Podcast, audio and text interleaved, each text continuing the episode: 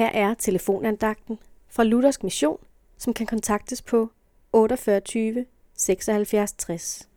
Andagtsholderen i dag er Jens Asmussen. I verden findes der mange religioner. De har næsten alle et bud på, hvad man skal gøre for at gøre sig fortjent til udfrielse eller frelse.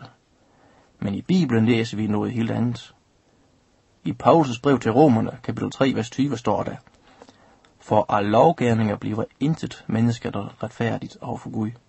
Det, der kommer ved loven, er jo syndserkendelse. Bibelen siger her helt klart, at vi ikke kan gøre os fortjent til frelsen fra vores synd igennem gode gerninger.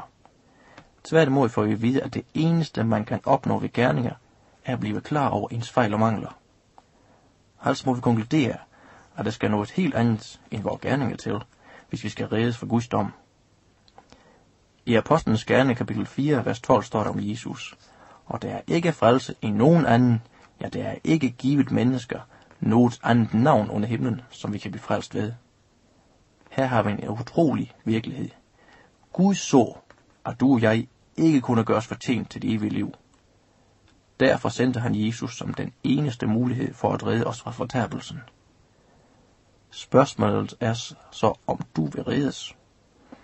Måske vil du gerne vide, hvad du skal gøre for at få denne redning. Du skal ingenting gøre, for du kan ingenting gøre. Jesus har lidt døden for din skyld på Golgotha's kors for snart 2000 år siden. Derfor er det eneste, du kan gøre, er at sige Jesus tak for din frelse. Amen.